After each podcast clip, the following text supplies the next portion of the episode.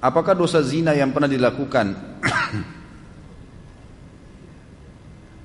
akan dihapuskan cukup dengan taubat satu kali saja?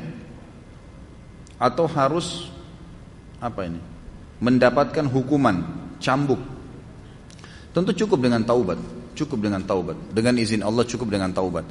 Hadis Bukhari menjelaskan bahwasanya ada seorang laki-laki pernah berkata ya Rasulullah saya sudah berzina sucikan saya Waktu itu Nabi SAW lagi berhadapan sama orang yang duduk langsung mengatakan ya Rasulullah hukum saya, saya sudah berzina.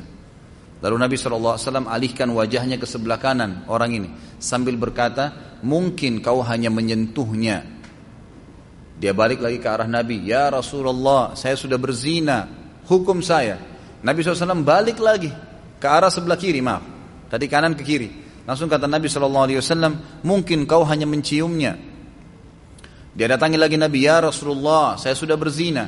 Kata Nabi SAW, mungkin kau hanya memeluknya. Terus Nabi SAW alihkan dia. Maksudnya apa kata ulama hadis? Nabi suruh pergi taubatlah. Gitu lah. Nggak usah kamu ceritain ke saya. Taubat saja, tutup. Aibmu itu tutup, jangan diceritain.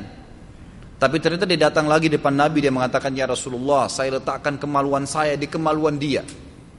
Jadi dia jelas menyebutkan kesalahan itu hukumlah saya. Maka Nabi SAW hukum dia. Kata para ulama sebenarnya dalam Islam adalah hukumnya taubat.